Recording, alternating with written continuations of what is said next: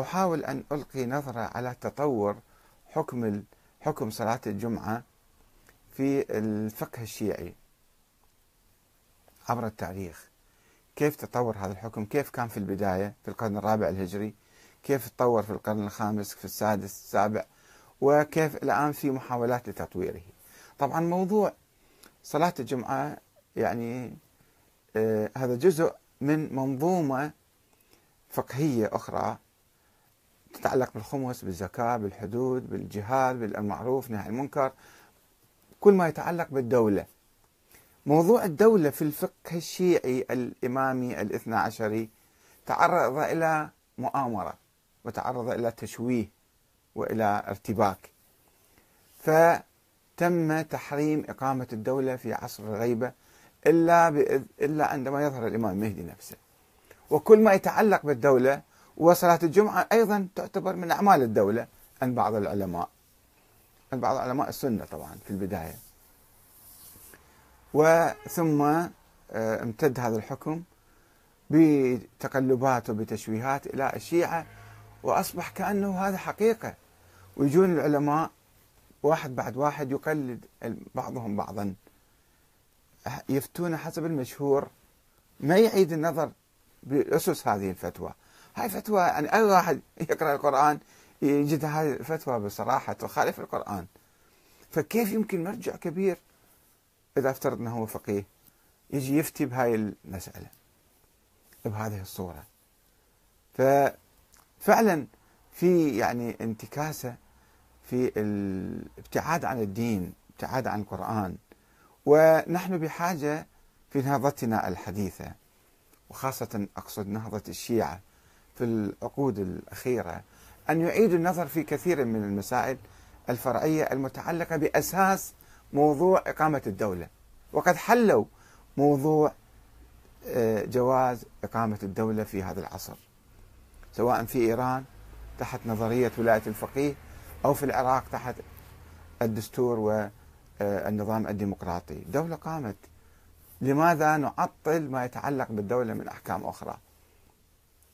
بحاجة إلى حركة فكرية ونهضة في صفوف الحوزة في صفوف العلماء لكي يعيدوا ترتيب بعض المسائل اللي كانوا مخطئين فيها وهم مو مصيبين أكيد مو مصيبين مخطئين لا يقلدوا واحد الآخر.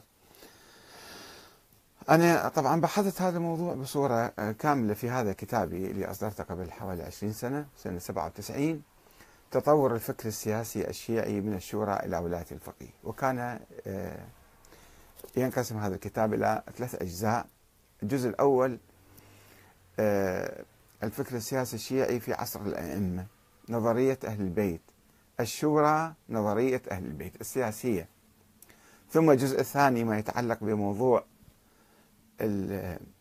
الإمام المهدي وجود الإمام المهدي وعدم وجوده. بحث هذا الموضوع بالتفصيل. والجزء الثالث تطور الفكر السياسي الشيعي في عصر الغيبة. وهذا أيضا قسمته إلى قسمين. القسم الأول اللي تأثر سلبا بنظرية أو فرضية وجود الإمام الثاني عشر فتم تحريم كل شيء كل ما يتعلق بالدولة. الثورة والدولة وكل شيء. ومن ومن ذلك صلاة الجمعة. ثم حدثت نهضة منذ قرون هي في الحقيقة بدأت شوية شوية يعني إلى أن وصلت إلى وقتنا الحاضر إلى قمة التطور الإيجابي بإقامة الدولة وتفريعاتها الأخرى. وبقيت بعض المسائل عالقة وما فيها يعني إعادة نظر وما أعرف ليش جامدين. متحجرين جامدين مثلجين جدا. العلماء ما ما ما يتحر ما يحركوا شوية دماغهم حتى يبحثوا من جديد. ويقولون طبعا هم مجتهدين ومراجعه وعليكم التقليد. التقليد أساسا قبل ما احدثكم عن صلاة الجمعة التقليد أساسا عمل قبيح وغير شرعي وبدعة. هذا اولا بقوة أقول لكم ذلك. وكل العلماء يقولون لا يجوز التقليد في المسائل البديهية والواضحة والضرورية والصريحة الموجودة في القرآن. ما يجوز التقليد فيها. وطبعا ما يجوز التقليد في العقائد هذا أكيد. يقولون ذلك يكتبون أيضا كل العلماء يكتبون طيب إذا التقليد في. يعني أساسا حتى الاجتهاد في مقابل القرآن في مقابل النص لا يجوز إذا آية صريحة بالقرآن تعطينا حكم ما يجوز لأي عالم أن يجي يخلي لها يعني شروط وكذا وينفذها الآية ويطيرها بعدين فالتقليد أساسا في المسائل الواضحة والمسائل اللي ثابتة من السنة النبوية. صلاة الصبح ركعتين صلاة الظهر أربع ركع. هذه ما موجودة بالقرآن بس السنة النبوية تأكدها. فما يجوز الاجتهاد في القضايا المتواترة المجمع عليها والبديهية والواضحة. تبقى آه، هناك رواية ضعيفة طبعا تروى عن الإمام المهدي اللي هو ما موجود. أنه أما الحوادث الواقعة شو تسوون أنتم يا شيعة بعد غيبة الإمام؟ وأما الحوادث الواقعة فارجعوا فيها إلى رواة حديثنا. طيب. وأما الحوادث الواقعة ما قال المسائل الثابتة والمسائل الصريحة الموجودة بالقرآن أن أنتم ارجعوا فيها لا أحد. لا رواة الحديث ولا مجتهدين ولا أي إنسان آخر. الإنسان الإنسان المسلم ونحن كلنا مسلمين إن شاء الله.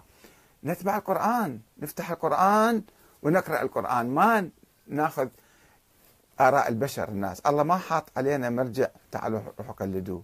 اقرأوا القرآن من أول لآخرة. ماكو شيء بالقرآن. أنا روحوا أخذوا مسائلكم من من الرجال اللي هم مجتهدين يسمون نفسهم إذا كانوا مجتهدين. وأكثرهم معظمهم غير مجتهدين مقلدين. حقيقة مقلدين وليسوا مجتهدين أبدا. لا في العقيدة ولا في الفقه كل تقليد في تقليد. هذا شيء مر صعب نقوله ولكن حقيقة حقيقة أقولها وقلبي يقطر ألما ودما من هذا الكلام. لأنه مؤسف حقيقة أنه مراجع آيات الله وحجج الإسلام هم مقلدين ومجتهدين ويفتون خلاف القرآن الكريم أيضا. نعم. الآن في موضوع صلاة الجمعة. إذا التقليد أساسا يعني إذا يجوزون التقليد في المسائل الفرعية. والمسائل الفرعية الحادثة اسألوا واستشيروا وعرفوا الدليل لما يفتي العالم. مو يقول خلاص هذا فتواي وروحوا اعملوا بها وخلاص. لا شنو دليلك؟ لازم نتعلم هذا الشيء. ما نتبع العلماء اتباعا أعمى تقليدا أعمى. هذا حرام حرام لا يجوز. بدعة. ولأنه يقودنا إلى المهالك. يقودنا إلى الابتعاد عن الله والابتعاد عن الدين الابتعاد عن القرآن. فلا بد أن إذا أردنا نقلد أحد وعرفنا هذا فعلا عالم وعنده علم حقيقة مو مقلد هو. نقدر نمتحنه حتى نفتيه من هو مقلد ولا مو مقلد. إذا قال فت فتوى فت رأي نقول له طيب شنو دليلك؟ شنو دليلك؟ على أي أساس قاعد أنت تفتي هالفتوى هذه؟ أعطينا دليلك. ما يصير ناخذ الفتوى ثقة ومثلا احتراما لهذا وحسب الدعاية وكذا خلص هذا ذبها برقبة عالم واطلع منها سالم. من قال لك هو عالم؟ من قال لك الله هذا هاي مو آية بالقرآن. ذبها برقبة عالم واطلع منها سالم. ما تطلع سالم.